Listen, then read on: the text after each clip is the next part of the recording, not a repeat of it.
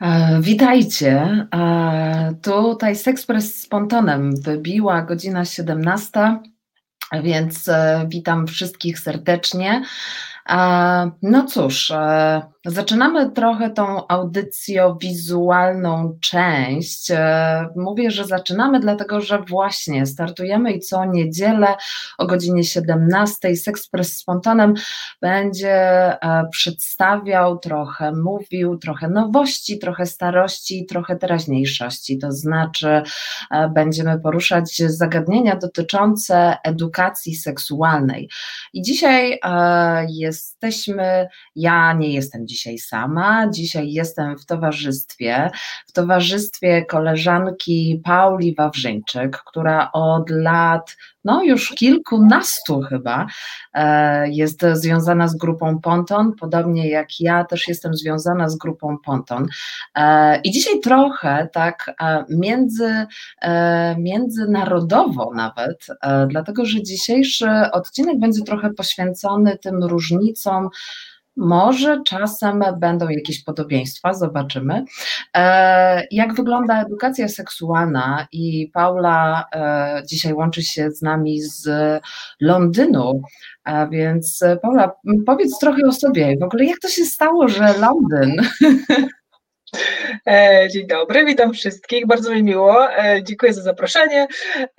Więc od, tak, od masz rację, już od 15 lat jestem w grupie edukatorów seksualnych Ponton a od czterech lat e, mieszkam w Londynie e, i tutaj pracuję jako edukatorka seksualna. E, było to moje marzenie i też to był jeden z powodów, dla których się tu przeprowadziłam. Pracuję dla brytyjskiej organizacji, która nazywa się Brook i pracuję dla młodych ludzi, to znaczy my koncentrujemy się na edukacji dla osób do 25 roku życia oraz mamy sieć klinik zdrowia seksualnego również dla młodych osób. No okej, okay. E, to powiedz, e, dlaczego tak właściwie, bo powiedziałaś, że to było Twoje marzenie, e, bo to jest chyba jedna z takich rzeczy, która tak naprawdę bardzo często się pojawia i nie wiem jak z Twojej perspektywy, ale ja też jako edukatorka seksualna często słyszę pytanie, dlaczego w ogóle zajmujesz się edukacją seksualną, ale sprawa kolejna, bo poruszyłaś bardzo istotną kwestię, było to Twoim marzeniem. Dlaczego akurat tam? E, dla, dla, przez wiele lat działałam w Polsce, no i niestety sytuacja polityczna nastała taka, jaka nastała i jakby nigdy tak naprawdę od momentu odzyskania e, demokracji e, nie było dobrego klimatu dla edukacji seksualnej w Polsce. Grupa Ponton od lat, od lat apeluje, stara się, próbuje zmienić prawo, próbuje, próbuje wpływać na Ministerstwo Edukacji, no ale wiadomo jak to teraz wygląda. E, także, także chciałam po prostu spróbować działać na, e, w innym kraju, zobaczyć jakie są możliwości, zobaczyć jak to jest realizowane w innych krajach. E, Anglia była naturalnym wyborem, dlatego że mówię po angielsku i jakby no i, i łatwo było mi przystawić się tak i edukować młodzież w języku angielskim. I tutaj prawo jest zupełnie inne i daje o wiele większe możliwości. Mhm. E, fajnie, że do tego nawiązujesz i że o tym mówisz, bo ta kwestia prawna też niewątpliwie trochę pojawi się też i w późniejszych naszych odcinkach, mianowicie będzie właśnie trochę taka kompilacja, trochę taki zbiór tego wszystkiego, jak to wygląda trochę u nas w Polsce ale powiedziałaś też dosyć istotną z mojej perspektywy kwestię, to znaczy e, grupa Ponton od lat już ładnych, kilkunastu, rzeczywiście stara się gdzieś tam zmienić w ogóle ten rys edukacji seksualnej i tego nurtu nazwanego eduseksem, e, taka piękna nazwa i e, Hmm, no i właśnie, jak to się dzieje, że trochę z jednej strony my mamy takie wrażenie, że cały czas działamy i dokładnie cały czas powtarzamy to, co już było, i tak rok rocznie mówimy, jak wielką potrzebą jest edukować seksualnie młodych ludzi, ale młodych dorosłych i też i starsze osoby. E, a jak to prawnie wygląda w Anglii? Jakby jakie na pierwszy rzut oka może e, widzisz i dostrzegasz tak naprawdę różnicę pomiędzy tym, co jest tutaj, a pomiędzy tym, co jest tam? E, podejście do seksualności młodych ludzi e, bardzo wpływa na, na stan prawny e, danego kraju. I to jest kwestia światopoglądowa. Mm, to znaczy w Wielkiej Brytanii nie zakłada się, nie ma takiego normatywnego podejścia do ludzkiej seksualności, to znaczy nie zakłada się, że młodzi ludzie powinni uprawiać seks od któregoś tam roku życia lub też w małżeństwie, zależy tutaj oczywiście jakie, jakie mamy poglądy. Uważa się, że to jest coś naturalnego i to jest część ludzkiego życia i każdy na, na różnym etapie może rozpocząć to życie seksualne. Czasami oczywiście chcemy, żeby to było oczywiście konsensualne i za zgodą, no ale jak wiemy, różne są sytuacje, tak? I, czasami niestety zaczyna się w różny sposób. Także e, prawo ma za zadanie chronić młodych ludzi, a nie karać e, ich za to, czy trzymać w jakiejś niewiedzy e, dotyczącej seksu, w ogóle i ich życia i relacji, no bo jakby w ogóle też chcemy tutaj doprecyzować, że jak mówimy edukacja seksualna, to oczywiście to jest też cała edukacja o relacjach, tak? Czyli jak budować dobre związki. Także ten, ten komponent jest tutaj oczywiście bardzo ważny, to nie jest tylko zdrowie seksualne.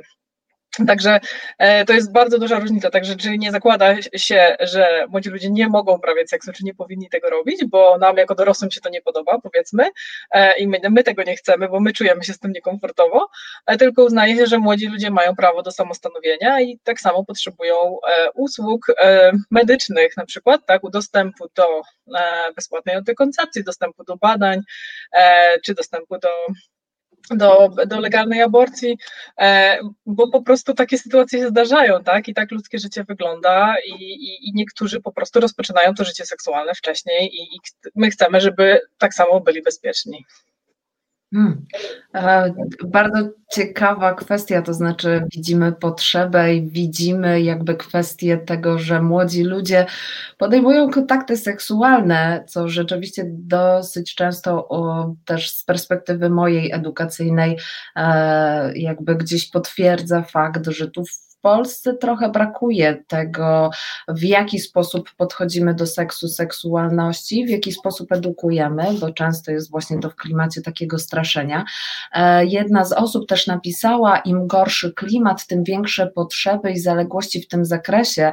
I myślę, że to też jest bardzo dobry komentarz. Do komentarzy i do zadawania też pytań jak najbardziej zapraszamy, bo my to wszystko na szczęście widzimy, więc e, e, to jest też dla Was audycja, więc jak najbardziej e, e, zachęcamy raz jeszcze do, do, do komentowania i do pisania i włączania się trochę w ogóle w tworzenie tej audycji.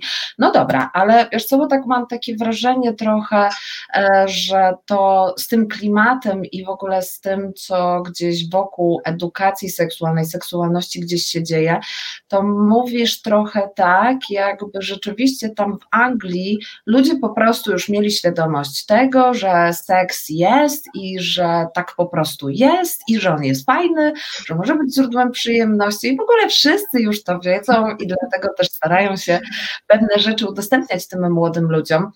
E, czy dobrze to rozumiem? Czy to tak rzeczywiście wygląda, czy jest trochę inaczej? No, sytuacja w żadnym kraju nie jest idealna, no może poza Holandią. Holandia jest absolutnym wzorem, jeśli chodzi o edukację seksualną, więc jakby wszyscy do, do, dążymy trochę do, do, tego modelu i Wielka Brytania na pewno się uczy, tak, i, i chciała się uczyć e, e, z modelu e, holenderskiego, który właśnie zakłada otwartą edukację od najmłodszych lat. E, do tej pory w Wielkiej Brytanii to się nie do końca działo. E, system edukacji jest bardzo zróżnicowany, nie jest centralizowany tak jak w Polsce, więc raczej nie ma tak, że są podstawy programowe, które, które przygotowane przez ministerstwo, które są realizowane w szkołach. Raczej szkoły mają dużą dowolność kształtowania własnych programów, tylko jest jakaś ogólna rama od ministerstwa, co należy robić. Więc edukacja seksualna nigdy nie była w Anglii obowiązkowa. Do tego roku to się dopiero teraz zmieniło. Także jak widzicie, idziemy, jakby to jest proces, tak? Więc ja nie mogę powiedzieć, że jest teraz super, tak? I wszyscy w ogóle wiedzą wszystko i w ogóle nic nie musimy robić, a ja nie, nie będę mieć pracy. E, nie, to, to nie jest tak. E, chodzi o to, że ponieważ e, podejście do usług medycznych jest zupełnie inny, tak? I młodzi ludzie mają prawo iść sami do lekarza, będziemy jeszcze o tym mówić, tak? I mają prawo do, do skorzystania z tych usług bez wiedzy rodzica, to jakby edukacja musi za tym nadgonić, to znaczy młodzi ludzie muszą wiedzieć, gdzie iść, tak? I jakie jest to prawo, e, bo jeżeli nikt, nikt im tego nie powie, to skąd mają wiedzieć, tak? Że, że, że nie bać, po prostu pójść i, i nie, nikt nie będzie ich oceniał, tak? Lekarze, pielęgniarki, pielęgniarze e, nie będą oceniać, tak? Tego, czy, czy podejmują kontakty seksualne, czy nie. Także E, zadaniem edukacji seksualnej jest też opowiedzieć o tym, tak, i powiedzieć, jakie są te, te możliwości. Także, e, także to prawo medyczne, powiedziałam, jest bardzo dobre, natomiast prawo dotyczące edukacji seksualnej nadgania to. E, także dopiero teraz szkoły są, zostały zmuszone tak naprawdę wszystkie do przygotowania programów dotyczących edukacji seksualnej i, i to się dopiero zaczęło. Natomiast to nie jest tak, że tego wcześniej nie było. To bardzo zależy od szkoły, jak wiadomo, tak jak i w Polsce, tak, od dyrektora, dyrektorki, od nauczycielek, nauczycieli, tak naprawdę kto się czuje na siłach uczyć tego przedmiotu, kto się czuje z tym komfortowo. E, no jak wiemy, nie ma pieniędzy, e, też w Anglii też nie ma na szkolenie nauczycieli w tej dziedzinie, także to jest kwestia indywidualna, kto się, kto się z tym dobrze czuje. Także myślę, że będzie teraz coraz lepiej, no bo jakby zostało to już usankcjonowane i nie mówię, że te wytyczne ministerstwa są idealne, ale jest to jakiś pierwszy krok tak, na, te, na tej dobrej drodze. Mhm. To co się takiego dzieje? Bo jakby wiesz, też zastanawiam się, jakby można było tak naprawdę i jakie zmiany można by było chyba wprowadzić trochę tutaj u nas w Polsce. To oznacza, e, i chyba zmierzam trochę pytaniem do tego, co i kogo, jakie osoby należałoby w jakimś stopniu e, może edukować, może próbować przekonywać, no bo jak mówisz, jakby gdzieś tam mimo wszystko to, że to nie jest centralizowane, ale sprawia, że ludzie mają możliwość jakiegoś kształcenia, zdobywania wiedzy, e, być może robią to na przykład na własną rękę, czasami rzeczywiście podejrzewam, że są jakieś kursy, szkolenia i gdzieś to wszystko jakoś sobie e, idzie do przodu, natomiast co by warto było zrobić też, w jaki sposób tak na dobrą sprawę chyba przekonać ludzi, albo może jakich argumentów tak naprawdę użyć, e, właśnie, żeby spróbować pokazać, dlaczego edukacja seksualna jest tak bardzo potrzebna. Grupa Bonda robi to już od lat i argumentów jest całe mnóstwo. To znaczy są międzynarodowe badania pokazujące, że mówienie, właśnie przygotowywanie e, młodych ludzi do tego nie powoduje wcale, e, że są bardziej zainteresowani seksem i zaczynają to robić. E, to tak samo jak powiedzmy E, mówi się o alkoholu, tak, czy, czy o narkotykach, tak, to nie jest tak, że każda młoda osoba nagle zacznie być super tym zainteresowana, tak, nie, to jest bardzo indywidualna kwestia. I wiemy, że jakiś tam odsetek młodych osób, powiedzmy 30%, zaczynam, mm, ma swój debiut seksualny powiedzmy około 15 czy nawet wcześniej, przed 15 rokiem życia czy nam się podoba to, czy nie. Tutaj ja wiem, że wchodzą tutaj nasze osobiste wartości, tak i co my o tym myślimy, ale rzeczywistość tak wygląda. No więc chodzi o to, żeby przygotować te młode osoby wcześniej, tak, e, zawczasu e, i, i jakby chodzi o ich bezpieczeństwo i ich zdrowie, tak, więc zdrowie i bezpieczeństwo to są takie dwa wielkie komponenty, tak, dlaczego to jest ważne.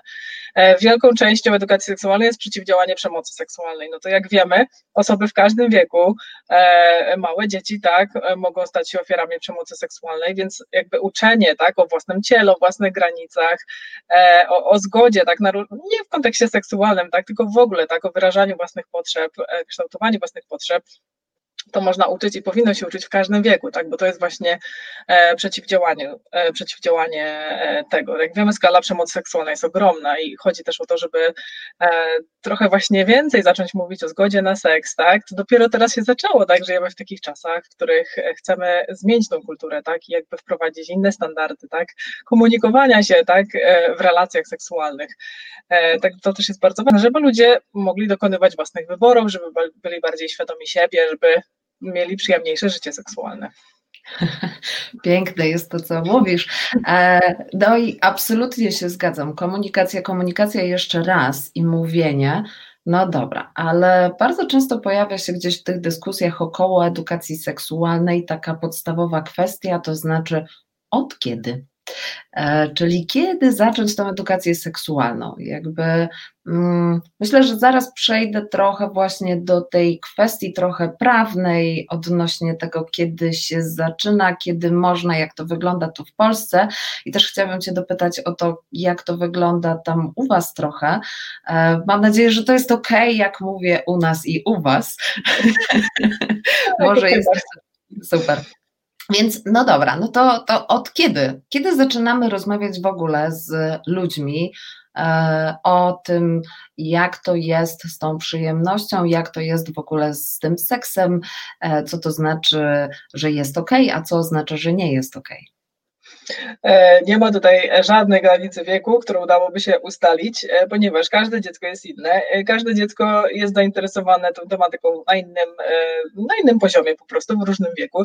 Ale jak wiemy, dzieci od samego początku zadają pytania, i tutaj od reakcji rodziców, opiekunów, osób najbliżej bardzo dużo zależy, tak? Czy nawet nie chodzi o to, co się konkretnie mówi dziecku, tylko jak się na to reaguje, tak? Czy my, jakie mamy podejście do tego, jak dziecko, nie wiem, się dotyka na przykład, tak? Sprawia sobie jakoś tam przyjemność, no bo nie możemy temu zaprzeczyć, tak? Dziecko w pewnym momencie zorientuje się, że dotykanie pewnych części własnego ciała sprawia przyjemność. I co my z tym zrobimy teraz, tak? Jak my się z tym czujemy, tak? Czy dajemy temu dziecku do tego prawo, czy będziemy starać się temu przeciwdziałać i jakoś, nie wiem, zamieść to pod dywan albo więc zanim jakby, kiedy wychowuje się dziecko, trzeba sobie takie rzeczy przemyśleć, tak? Czyli z czym my się dobrze czujemy, tak? Jako, jako rodzice, jako, jako opiekunowie i co tak naprawdę chcemy wpoić, tak? Jakie wartości temu dziecku, tak? Tak jak mówiłam, uczenie granic, no to to jest od, też od samego początku, tak? Czy my chcemy, żeby nasze dziecko było zawsze grzeczne i tylko nas słuchało i robiło wszystko to, co my chcemy, czy chcemy wy, wychować je na indywidu, na po prostu indywiduum, tak? Które będzie podejmować własne decyzje i, i będzie, chcemy, żeby robiło to, co jest dla niego najlepsze, tak? E, więc to są Także edukacja seksualna dzieci naprawdę nie zaczyna się od tego dziecka, zaczyna się od rodziców e, czy opiekunów i, i, to trzeba sobie przemyśleć. Na szczęście żyjemy w czasach, kiedy mamy super książki dotyczące tej tematyki, mamy filmy, mamy na YouTubie mnóstwo wiedzy, tak? I, i to nie jest tak, że okej, okay, większość z nas nie otrzymała takiej edukacji w szkołach, to jest prawda, tak? Ja też nie otrzymałam, ale można się tego samemu nauczyć e, i po prostu trzeba tylko poświęcić na to czas i to, i to przemyśleć. Okej. Okay. Mm, no właśnie, wspomniałem trochę o tym, że tutaj będę mówić o tych kwestiach prawnych i mm, to, jak to wygląda też u nas w Polsce, to znaczy. E, Czysto hipotetycznie, prawnie, i to doskonale ty wiesz, podejrzewam, że część osób, które nas słuchają i oglądają, też pewnie wiedzą. E, oficjalna wersja jest taka, że seks i kontakty seksualne można podejmować po ukończeniu 15 roku życia. E, istnieje ten przedział, czy ta luka trochę, która mówi o tym, że dopiero między 16 a 18 rokiem życia młodzi ludzie nabywają jakby możliwość współuczestniczenia, współdecydowania o swoim stanie zdrowia, a dopiero od 18 roku życia tak naprawdę mają możliwość podejmować samodzielnie decyzje odnośnie swojego stanu zdrowia i swojego jakby dalszego ewentualnego nawet leczenia. E, tak więc przepisanie chociażby recepty na tabletki e, antykoncepcyjne, na antykoncepcję hormonalną, to konieczność porozmawiania z rodzicem, prawnym opiekunem, e, czy nawet udanie się z taką osobą właśnie na wizytę lekarską. Czy to dokładnie tak samo wygląda w Londynie? Na szczęście zupełnie nie.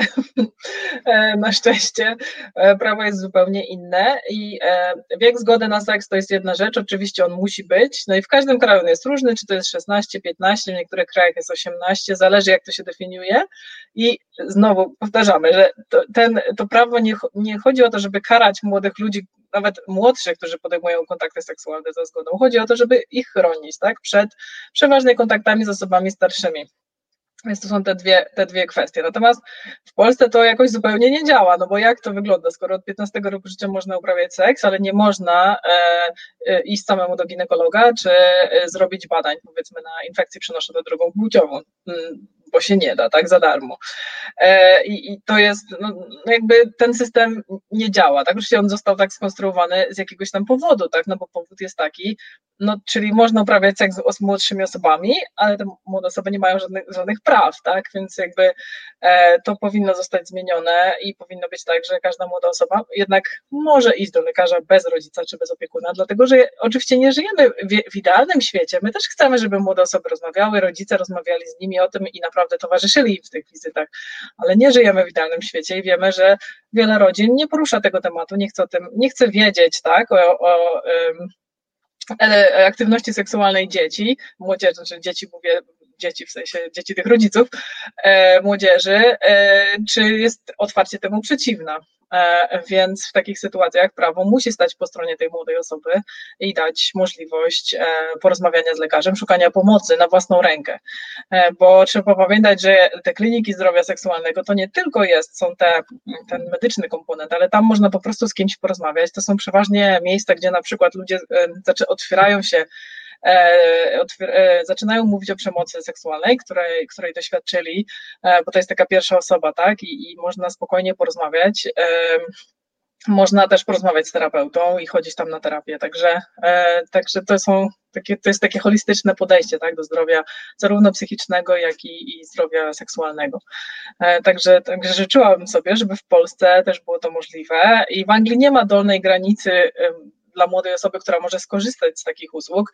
E, tylko prawo mówi, że poniżej 13 roku życia nie można wyrazić zgody na żadne kontakty seksualne, czyli poniżej 13 roku życia zawsze ktoś będzie powiadomiony, jeżeli taka młoda osoba zgłasza aktywność seksualną.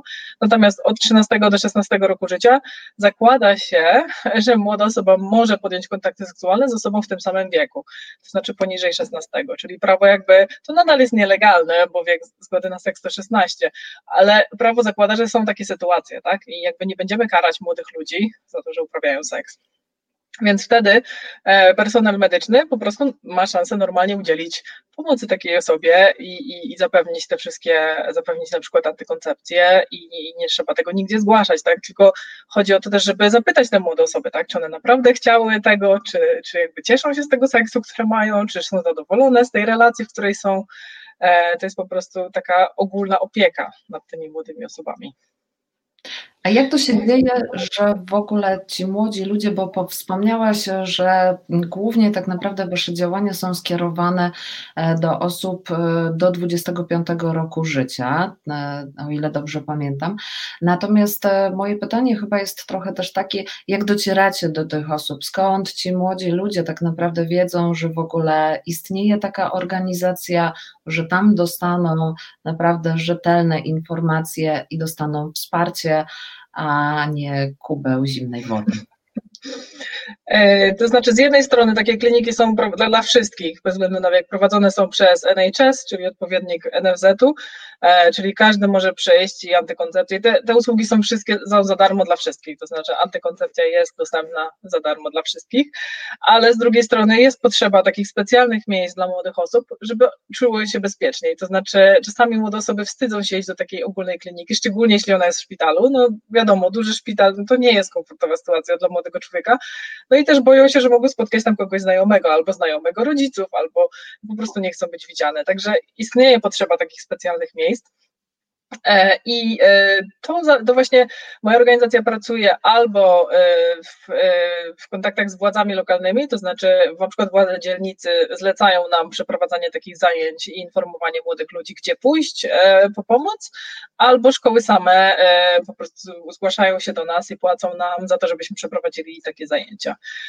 Oczywiście staramy się też wszystkimi kanałami social media też docierać do, do młodych osób, ale głównie skupiamy się na takiej pracy lokalnej, czyli, e, czyli właśnie lokalnych klinikach i pracowanie z młodzieżą. Ja pracuję w takich, głównie w takich dwóch dzielnicach e, w Londynie, e, zarówno w szkołach, jak i w innych placówkach oświatowych, klubach młodzieżowych, gdzie na przykład młodzież spędza czas po szkole.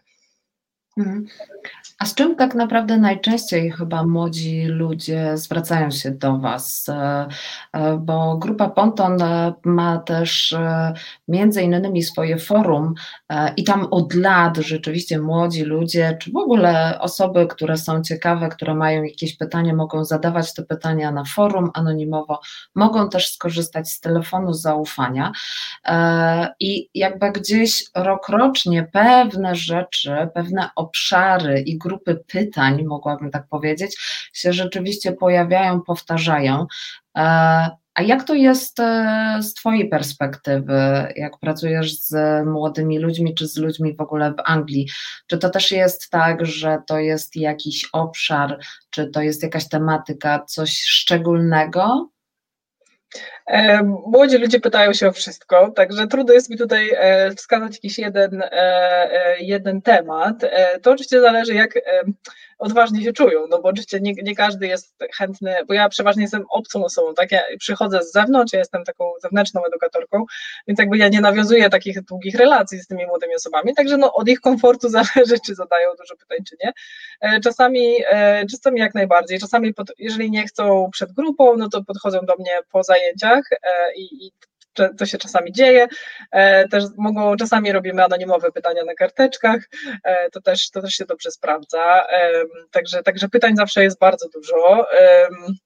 Właśnie anonimowe też mają to dobre, że młodzież nie boi się, że będzie oceniana, na przykład, że nie wiem, podejmuje kontakt seksualny. Oczywiście my nigdy nie oceniamy, ale wiadomo, jak jest z grupą, tak? Ich rówieśnicy mogą ich oceniać, także staramy się temu przeciwdziałać, ale, ale e, tak to się dzieje. Także no nie mam tutaj odpowiedzi na to pytanie, to znaczy to jest y, każda, każda tematyka, czy to jest zdrowie seksualne, czy działanie antykoncepcji, czy relacja, czy po prostu seks, e, jak uprawiać seks i różne e, tutaj e, różne elementy z tym związane. Czasami młode osoby pytają o to, co zobaczyły w, na filmikach pornograficznych i o jakieś słownictwo w tym zakresie, także, także to jest bardzo różnie.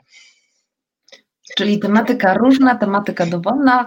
E, chodzi o to, żeby pytać to jak najbardziej. E, to ja jeszcze bym chciała dopytać o te kliniki, bo nie ukrywam, ja też jako osoba, która pracuje w takim anonimowym punkcie testowania, e, też gdzieś mam takie zaciekawienie właśnie badaniami profilaktycznymi. Wspominałaś o tym, że ludzie mogą przyjść, mogą się przetestować, że jakby współgra to trochę z takim naszym odpowiednikiem NFZ-u, czyli rozumiem, że te badania są bezpłatne i tak na dobrą sprawę każdy, każda osoba może przyjść i po prostu się przetestować. E, zgadza się. E, tu a propos tego, co powiedziałeś, mamy jedno pytanie od Kamila, które pyta, czy w e, Wielkiej Brytanii antykoncepcja jest refundowana. Tak jest, na szczęście, także jest, jest bezpłatna dla każdego. Aczkolwiek też, no, trzeba to po prostu powiedzieć. Nie każdy, nie rodzimy się z tą wiedzą, tak więc jakby e, młodym ludziom w Anglii też trzeba to powiedzieć, tak, że, że to jest za darmo. E, oczywiście jak się pójdzie do, prywa, jakby poprzez, do prywatnej służby zdrowia, to nie, ale jeśli korzysta się z tej publicznej, to, to tak. Oczywiście e, ja mieszkam w Londynie, nie mówię, że sytuacja taka, jaka jest w Londynie, to jest, to jest oczywiście bardzo duże miasto e, i ma przez to, że e, oczywiście e, mieszka tutaj tyle osób, no to wiadomo, że więcej pieniędzy władze lokalne e, przeznaczają na, e, na kliniki właśnie zdrowia seksualnego, e, żeby właśnie przebadać jakby mieszkańców.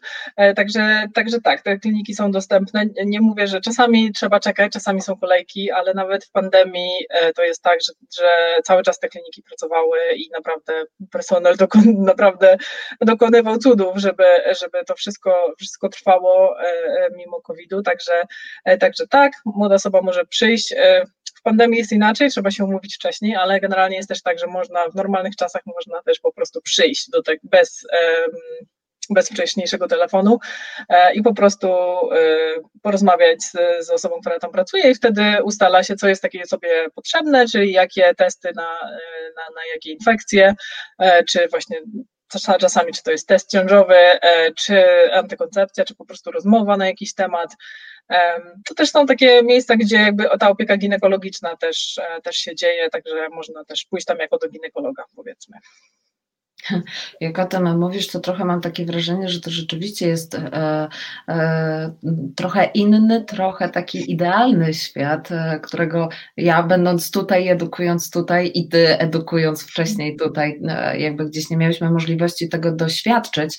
E, wcześniejsze wpis, wpisy też e, dotyczyły między innymi kościoła. Też tak sobie myślę, że chyba w dobie trochę tego, co się gdzieś dzieje na gruncie polskim, warto by było trochę dopytać, jak to wygląda w Londynie, to znaczy, czy rzeczywiście jest tak, bo jakby tutaj u nas ostatnio dosyć mocno e, e, na kształt i w ogóle na edukację seksualną, wspomniałeś też wcześniej o aborcji, e, całkiem spory wpływ ma też polityka, kościół. I tak się zastanawiam, czy rzeczywiście to też w Anglii bardzo podobnie wygląda, to znaczy, czy rzeczywiście też widać taki mocny wpływ jakby środowisk z zewnątrz e, na właśnie wygląd edukacji seksualnej i potrzeby w ogóle działań profilaktycznych z tego zakresu. E, ponieważ to nowe prawo weszło w tym roku, także wcześniej przez wiele lat trwały przygotowania, jakby były konsultacje na ten temat, także Oczywiście, że są środowiska, które protestują również w Wielkiej Brytanii, ponieważ mają inną wizję świata i, i jakby, nie, jakby nie chcą, żeby tak ta edukacja młodych ludzi wyglądała. No ale pamiętajmy, że ten, ta edukacja seksualna zawiera wszystko, tak? Czyli jakby wszystkie relacje, mówienie o orientacjach seksualnych, o tożsamości płciowej. Także tutaj, ponieważ różne, powiedzmy, to nawet nie chcę mówić o kościołach ogólnie, czy o religii ogólnie, ponieważ w, w obrębie każdej religii istnieje wiele różnych grup. Także to, że akurat grupy najbardziej konserwatywne są najbardziej słyszalne, to jakby to nie jest, to nie jest reprezentacja tak, tego całego kościoła, więc jakby w Polsce akurat tak się dzieje, że e, najgłośniejsze i takie najbardziej radykalne są te odłamy, powiedzmy, Kościoła katolickiego, e, który jest przeciwko edukacji seksualnej, ale też nie chciałabym, żeby jakby, przecież to nie jest tak, że katolicy są ogólnie przeciwko, tak, e, więc jakby tutaj chciałabym oddzielić to trochę od religii, jakby bardziej ten kontekst polityczny, tak? Bardziej uważam, że to jest walka polityczna niż e, coś, co ma wspólnego z religią, tak? Bo, bo to jest, znowu przypominam, tylko edukacja e, i naszym celem nie jest zmienianie poglądów młodych ludzi, czy wpływanie jakoś na ich e, światopogląd, czy, czy po prostu my edukujemy o tym, co jest, o tym, jakie jest prawo, tak? I szczególnie trzeba pamiętać, że w Londynie tak mieszka mnóstwo osób, które łącznie ze mną, które nie są stamtąd, tak? Nie urodziły się tam, więc jakby zadaniem jest też też wyedukowanie tak o prawie w danym kraju, tak? Więc E, więc oczywiście zdarza się tak, że ktoś protestuje, natomiast ja akurat pracuję w wyjątkowo komfortowych e, warunkach, więc jakby w mojej pracy bardzo rzadko spotykam się z jakimiś negatywnymi opiniami. Raczej konsensus jest taki, że e, trzeba młodych ludzi uczyć. Ja też pracuję z młodzieżą taką tak zwaną trudniejszą, co nie jest, nie wiem, to nie jest dobre określenie, po prostu no, która powiedzmy sprawia trochę więcej kłopotów, ale to też nie ze własnej winy, więc jakby też to jest absolutnie bardzo ważne, tak, i, i jakby wszyscy się tutaj zgadzamy i dorośli się zgadzają, że, że ta edukacja jest potrzebna, bo po prostu to młodzież podejmuje kontakty seksualne e, i, i, i tak jest, także, mm, no ale jak mówię, to jest moja komfortowa sytuacja. Znaczy, e, bardzo, bardzo też wydaje mi się bardzo istotną kwestię powiedziałeś, to znaczy rzeczywiście e, holistyczna i rzetelna edukacja seksualna e, tak naprawdę nie jest przeciwko czemuś, tylko to jest właśnie jakby zadaniem tak naprawdę tej rzetelnej, tej holistycznej, to jest współpraca wszystkich środowisk, więc to też jest bardzo istotna kwestia, którą też myślę sobie, że przy okazji w ogóle rozmów o edukacji seksualnej warto powtarzać nie? bo to jest dokładnie to. Edukacja seksualna to nie jest tylko i wyłącznie e, tak naprawdę mowa o samym seksie, o samej penetracji. I trochę też pytanie właśnie, jak to w ogóle, wspomniałeś trochę na temat też e, tej przyjemności, tego postrzegania seksu i mówienia właśnie o tym z perspektywy takiej przyjemności, w takiej formie trochę też myślę sobie pozytywnej, e, czyli tutaj mhm. trochę pojawia się ten wątek pozytywnej seksualności e, i też się tak zastanawiam, czy, czy mówienie w ogóle e, o tym w sposób pozytywny, mówienie o edukacji seksualnej tam w Londynie i w ogóle przedstawianie tej seksualności właśnie w ten pozytywny sposób jest łatwiejsze, czy dokładnie takie samo jak u nas w Polsce? E, jest łatwiejsze, aczkolwiek trzeba pamiętać, że Wielka Brytania też była konserwatywnym krajem i jakby dopiero niedawno tak naprawdę to się zaczęło zmieniać, więc to nie jest tak, że tutaj panuje jakaś, jakiś konsensus i nagle wszyscy są otwarci. I też uczenie o przyjemności ma wiele różnych um, jakby odcieni, więc jakby mm, to nie jest o tym, że tak jak, nie wiem, przeciwnicy edukacji seksualnej straszą oczywiście rodziców, że dzieci będą uczone o masturbacji, czy jak się masturbować. No oczywiście nikt tego nigdy nie zrobił, tak, nie ma czegoś takiego, to nie istnieje po prostu, tak, to zostało wymyślone.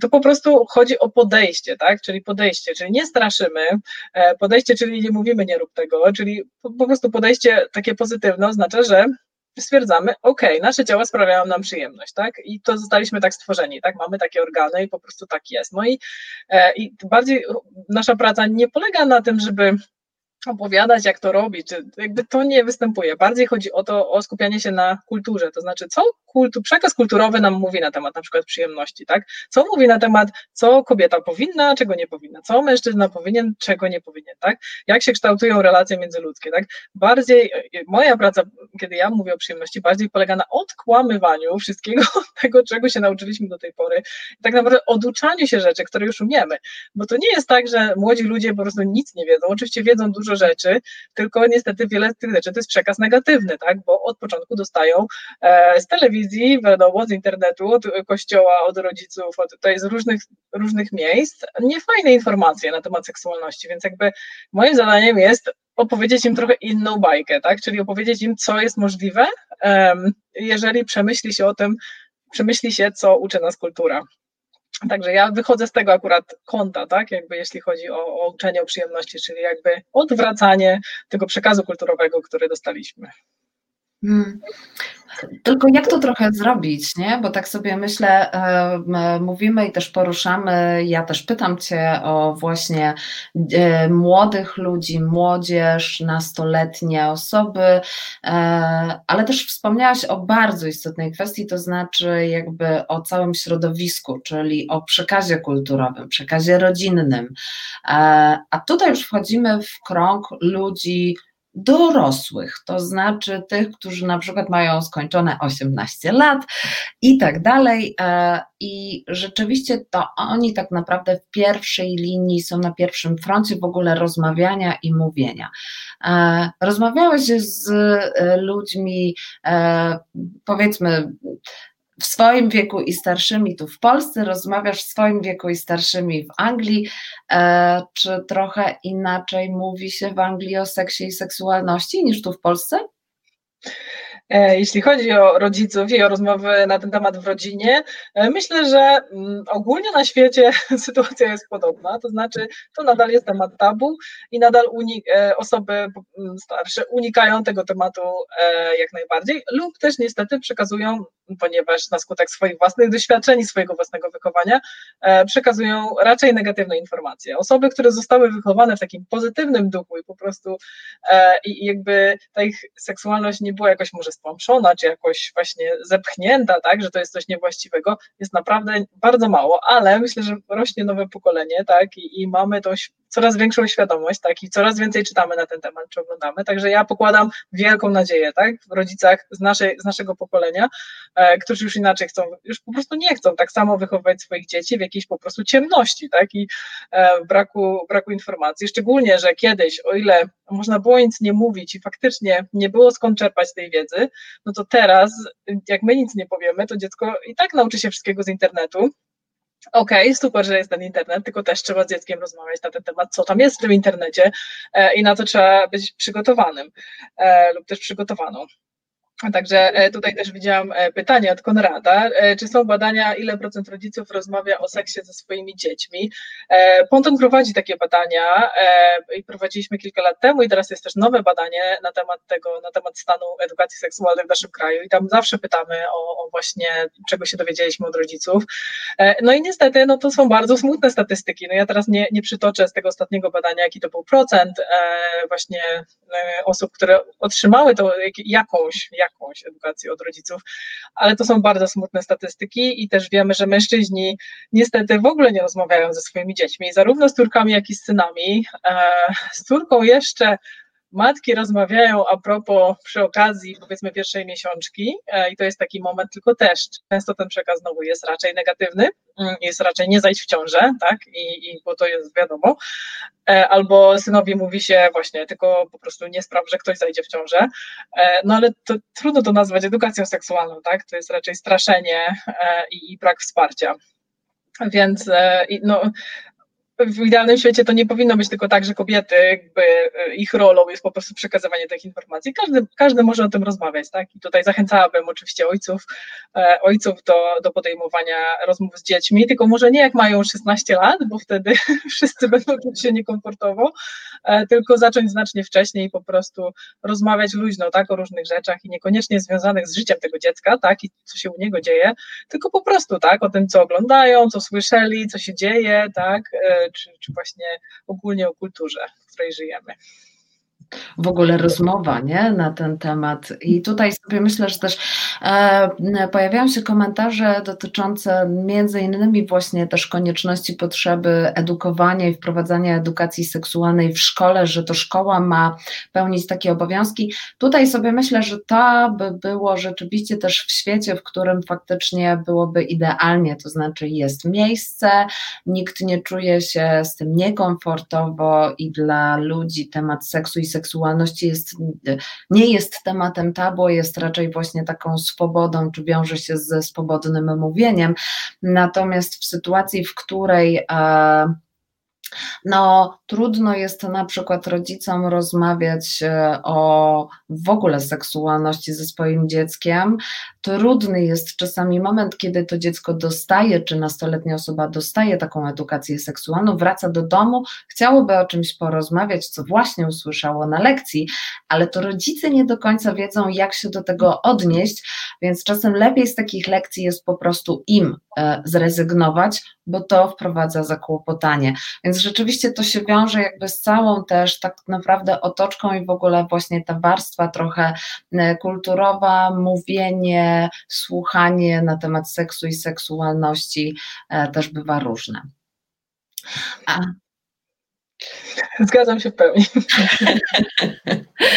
tak, szkoła i organizacje pozarządowe właśnie to robimy i dlatego też między innymi ten ponton tak sobie działa. No właśnie, a organizacja, w której ty jesteś, e, czy byś mogła trochę więcej jeszcze o niej powiedzieć? Od jak dawna e, Bruk działa? E, tak, to jest organizacja pozarządowa. E, działamy od 60 lat. E, zaczęła się Zaczęło się od tego, że w tamtych czasach antykoncepcja była dostępna tylko dla mężatek. E, takie było prawo, e, raczej prawo było bardzo seks negatywne, powiedziałabym, e, w tamtych czasach. E, i, i, jakby założycielka tej organizacji stwierdziła, że jakby, no to się musi zmienić, tak, że e, antykoncepcja musi być dostępna dla wszystkich. E, i, i tak to się zaczęło, także, także od wielu lat pracujemy w różnych regionach Wielkiej Brytanii, I e, no i tak, mamy te dwa, właśnie dzielimy się na te dwie części, czyli część edukacyjną e, i część medyczną. Także my prowadzimy też te kliniki zdrowia seksualnego dla młodzieży. W Londynie mamy jedną, która się nazywa, tak jak nasza organizacja, czyli BRUK, ale współpracujemy też ze wszystkimi klinikami po prostu lokalnymi, także E, także jak najbardziej, e, więc jest to, e, zachęcam też do, jeżeli jakby ktoś właśnie ma, chce, interesuje się, tak, i jakby chciałby wiedzieć więcej, to oczywiście zapraszam na naszą stronę brook.org.uk i tam też mamy dużo informacji dla, jeżeli uczycie na przykład, tak, edukacji seksualnej w Polsce, to tam są też bezpłatne kursy online dla, dla osób, które chciałyby wiedzieć więcej na ten temat, także zapraszam. Mm, super, myślę, że to jest też fajne źródło wiedzy, bo też gdzieś chyba w mojej e, tak naprawdę historii, e, w mojej edukacji też jako edukatorki, jako seksuolożki, tak sobie myślę, że właśnie to spojrzenie e, osób, e, które patrzą na to z trochę innej perspektywy, to znaczy mają inne możliwości, trochę innego klimatu, trochę innych właśnie tak naprawdę innego rodzaju wiedzy dos, doświadczają, e, to też e, bardzo kształci i pokazuje naprawdę sporo, e, sporo różnych rzeczy. Dzięki temu można jeszcze lepiej wykonywać swoją działkę edukatorki seksualnej, edukatora seksualnego. Um, czy hmm, Zastanawiam się, o co powinnam Cię jeszcze zapytać chyba w tym wszystkim, bo gdzieś krąży mi też po głowie takie pytanie, tak mówimy sobie o tym, że tak, że ta edukacja seksualna, że to jest tak naprawdę potrzebne i że warto. I na pewno jeszcze niejednokrotnie podczas tych e, audycji, e, tych nagrywek e, będziecie słyszeć dokładnie to samo sformułowanie. Natomiast zastanawiam się trochę w tym wszystkim, tak naprawdę, naprawdę, no właśnie, po co jest potrzebna edukacja seksualna, po co mamy zdobywać wiedzę, po co mamy kształcić ludzi i czemu to właściwie służy? Czy to tylko i wyłącznie chodzi o to, żeby pokazywać ludziom przyjemność, czy to chodzi też o coś zupełnie innego? E, jakbyś miała powiedzieć ze swojej perspektywy trochę jakiś argument, który pozwala też ludziom pokazywać i mówić o tym, dlaczego ta edukacja seksualna jest tak ważna. E, seks jest e, dużo, dużym elementem naszego życia. Oczywiście jest to kwestia bardzo indywidualna. Znaczy są osoby, które nie są tym zainteresowane i nigdy nie będą i to jest ok, e, ale to też trzeba powiedzieć, tak, to też jest element edukacji seksualnej, że po prostu nie każdy się tym interesuje, nie każdy chce to robić i ludzie też mają do tego prawo wiemy, jak wiele osądów, jak, jak łatwo ludzie oceniają innych ludzi poprzez pryzmat ich wyborów seksualnych. E, I tak naprawdę warto się zawsze zastanowić, tak, co budzi nasze negatywne emocje i dlaczego, e, i, i w jaki sposób zostaliśmy wychowani. E, większość takiej wiedzy absorbujemy nieświadomie od, od naprawdę od najmłodszych lat.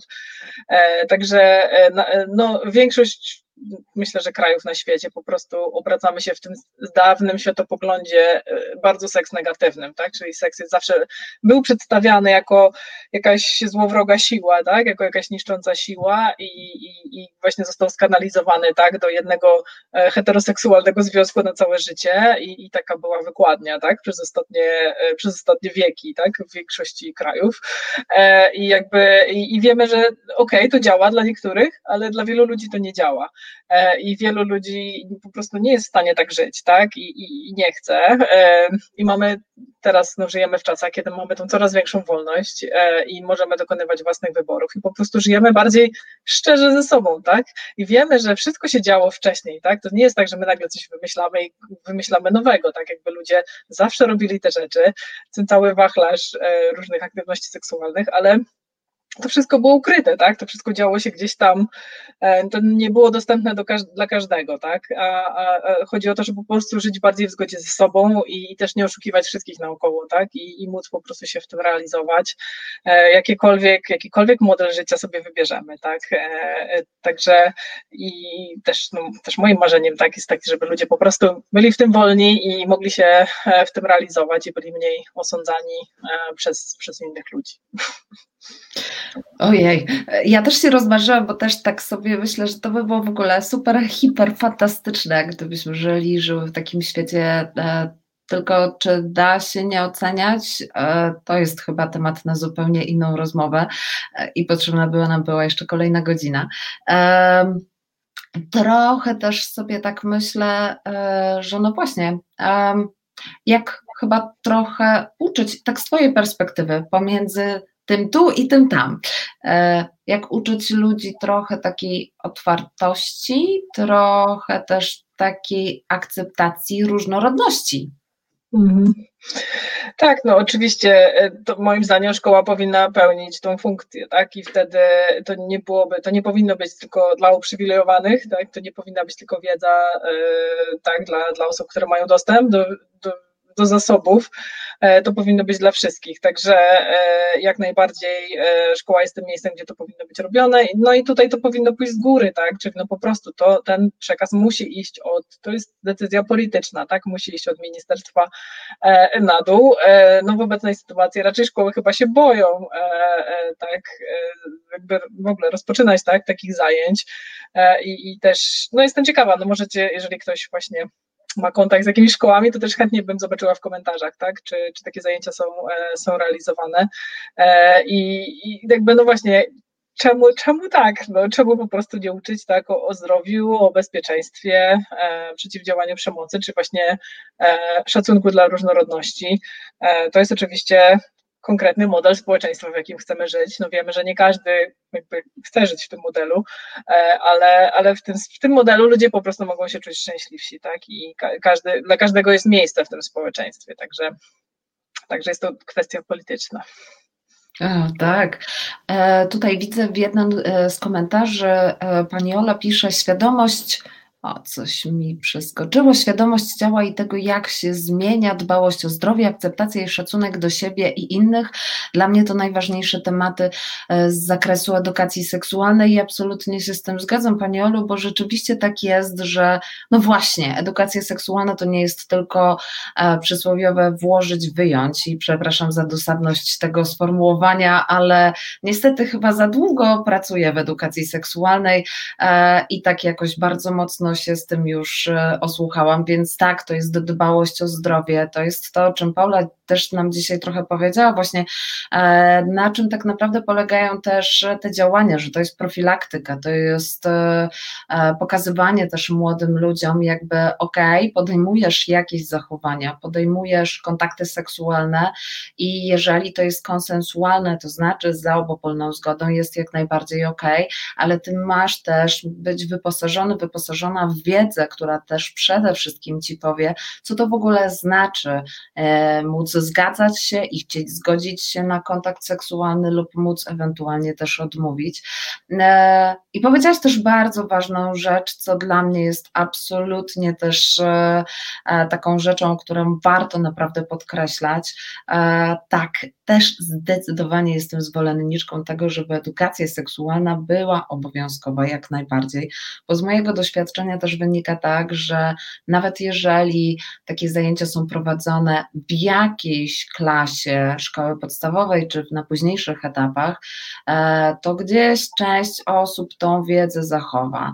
Inni po prostu będą e, uczestnikami, uczestniczkami takiej lekcji i gdzieś tam ta wiedza sobie gdzieś tam przeminie na fali wszystkich innych ważnych rzeczy e, z życia młodego człowieka. Natomiast w momencie, kiedy przychodzę do młodych ludzi rok w rok, to nagle się okazuje, że mhm. część tej wiedzy zostaje, ale część trzeba odświeżać i my możemy tak mówić rok po roku i dopiero za którymś e, e, takim, za którymiś takimi zajęciami dopiero gdzieś ta wiedza powiedzmy w 40% zostanie w mhm. głowie. Też masz takie doświadczenia? Jak najbardziej, to powinny być zajęcia prowadzone rok po roku, e, w jakimś tam wymiarze godzin, tutaj też no, nie definiuję w jakim konkretnie, ale naprawdę, bo jedna lekcja na całą szkołę, to nigdy nie wystarczy. Młodzi ludzie oczywiście zapomną, tak, wiadomo, że tak, i jeżeli szczególnie coś nie, nie dotyczy ich życia bezpośrednio teraz, tak, no to e, zapomną, także e, jak najbardziej trzeba do tego wracać, trzeba powtarzać, to tak samo jak wychowuje się swoje dziecko, tak, to nie jest tak, że przyprowadzi się jedną rozmowę, dziecko nas zapamięta, dziecko to zapamięta, tak? Oczywiście nie, chodzi o to, żeby to była, to była um, kontynuowana rozmowa, tak? I, i, I, znowu nie na temat naszych ży naszego życia, tak? Czy życia e, rodziców, tak? Czy życia tego dziecka, tylko ogólnie, tak? O tym, o tym co się dzieje, tak? E, w kulturze, co się obejrzało, co się przeczytało. E, tutaj widziałam też komentarz, że ktoś kupił siostrzeńcowi i synowi książkę sekset.pl, także jak najbardziej, oczywiście tak, e, e, jak najbardziej polecamy. E, jest wiele teraz super książek, tak, coraz więcej książek jest tłumaczonych na język polski. Zachęcałabym do kupowania książek jak najnowszych, bo ta wiedza się bardzo zmienia. Zmienia się język, którym mówimy na temat seksualności. Na szczęście, tak, bo uczymy się nowych rzeczy, bo kultura nie jest jakimś monolitem, tak, i, i to się zmienia na naszych oczach, także to jest super i chcemy być coraz bardziej inkluzywni, coraz coraz bardziej włączać tak, e, wszystkich tak, w tą edukację, a nie tylko mówić o e, znowu heteroseksualnym seksie prowadzącym do e, posiadania dziecka, tak, tak jak było kiedyś, tak, to, to nie jest tak, więc trzeba, trzeba mówić o wszystkich aspektach seksualności. Także e, jak najbardziej kupowanie książek młodym ludziom e, na prezenty to jest zawsze bardzo dobry pomysł i to też, nawet jeżeli ta młoda osoba nie chce z nami rozmawiać tak, na ten temat, trzeba im dać do tego prawo, tak? Jeżeli czują się niekomfortowo, no to okej, okay, trzeba odpuścić, ale zasiać jakieś tam ziarno, tak? I, i kiedyś ta, młoda osoba, nawet jak od razu tego nie przeczyta, no to może jakby przynajmniej będzie wiedziała, tak, że to kreujemy ten pozytywny klimat, tak? To jest, to jest ważne, tak? Czyli e, warto być taką osobą, do której i też powiedzieć takiej młodej osobie, tak, że zawsze możesz do mnie przyjść, tak? O wszystkim możesz mi powiedzieć, tak? Że nie to, że właśnie będzie Ola, Boga, co ty zrobiłeś, zrobiłaś, w ogóle co to jest, tylko, tylko nie, po prostu spokojnie porozmawiać e, na każdy temat, e, czyli to jakby naprawdę nie potrzeba dużo, tak? Nie musimy być edukatorami seksualnymi. E, chodzi tylko o to, żeby e, kreować atmosferę wokół siebie takiego, no po prostu przy, przyjaznego tak, miejsca, do którego młoda osoba może przyjść. Ja też tak sobie myślę, bo widzę tutaj pani Marta też napisała a propos e, pytań typu, czy przez całowanie można zajść w ciążę. To bez względu na wszystko, to tych pytań i to jest chyba, to jest też bardzo istotna kwestia z mojej perspektywy, to znaczy nie ma w zakresie edukacji seksualnej głupich pytań, bo jeżeli to są młodzi ludzie, to naprawdę chcą e, pewne rzeczy wiedzieć. Ja zawsze mówię, że to jest tak, że jak postawimy przed kimś rowerek, kto nigdy wcześniej na tym rowerku nie jeździł, to skąd tak naprawdę ma wiedzieć, jak w ogóle na tym rowerku jeździć. I trochę z edukacją seksualną i z seksualnością trochę też tak jest, e, bo ta seksualność, właśnie ten pozytywny przekaz, to już idzie od naprawdę najmłodszych lat. E, chociażby jeżeli mm, wycieramy dziecko, czy prowadzimy trening czystości, mówienia o narządach intymnych w sposób naprawdę e, przystępny, w sposób pozytywny, to już jest kształtowanie tak naprawdę seksualności ludzi. Widziałam też, że trochę gdzieś rozgorzała dyskusja na temat właśnie mówienia, nie mówienia. Widzę, że czas nam się kończy, więc Paula, trochę też pytanie do Ciebie, bo jak to zrobić, e, o ile młodzi ludzie rzeczywiście trafiają i powiedziałaś fantastyczną rzecz, to znaczy idzie nowe, idzie to pokolenie, które rzeczywiście te możliwości dostępu do źródeł wiedzy ma e, i to jest absolutnie super i część z tych ludzi doskonale wie, gdzie się zwrócić i do kogo się zwrócić. Część może dowiedzieć się od tych, co już się dowiedzieli. E, natomiast e, to też jest trochę tak, że jeszcze mamy gdzieś przed sobą trochę dotarcie do tych osób starszych i jak to zrobić, żeby te osoby starsze nie zniechęciły tych młodszych, które już coś ewentualnie o tej seksualności wiedzą. To znaczy, jak ich zachęcać do tego, żeby rozmawiali i mówili e, też o seksualności, albo spróbowali gdzieś ewentualnie może znaleźć właśnie jakiś pozytywniejszy przekaz i ten pozytywniejszy e, obraz seksualności.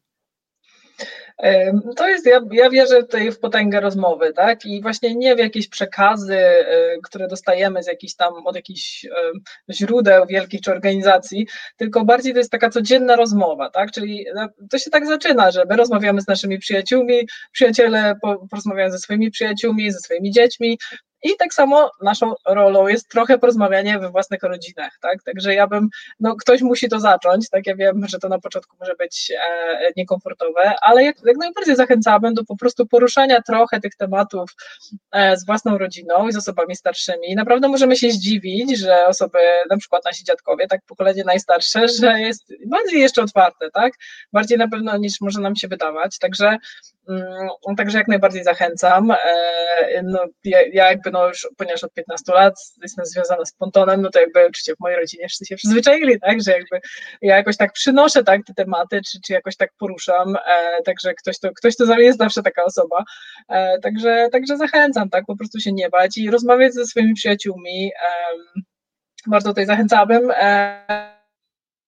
po prostu swoimi przemyśleniami, czy też doświadczeniami e, e, we własnym kręgu, tak, z własnymi, własnymi kolegami czy przyjaciółmi, e, bo naprawdę jest w tym wielka wartość, tak, żeby właśnie ludzie naprawdę wiedzieli, co się u nich dzieje i, i mogli o tym otwarcie porozmawiać, a nie tak jak zawsze kultura nas do tego przygotowała, czyli bardziej chwalić się i starać się zrobić na kimś wrażenie, tak, to, to jakby jakby nie o to chodzi, tak? Jakby bierze w tą, w tą siłę właśnie dzielenia się i, i szukania wsparcia.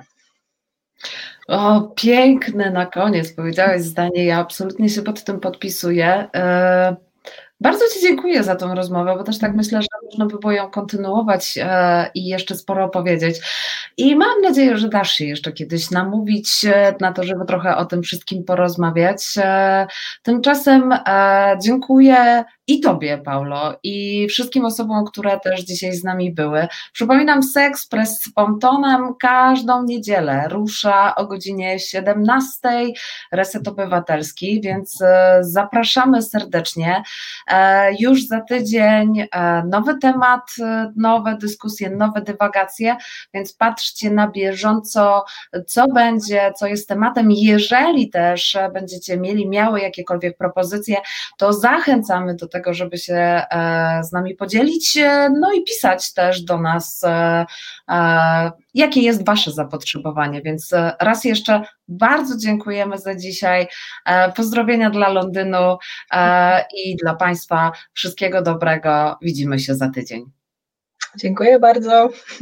Pa. Reset Obywatelski. To był program Resetu Obywatelskiego. Subskrybuj nasz kanał na YouTube, obserwuj na Facebooku i Twitterze.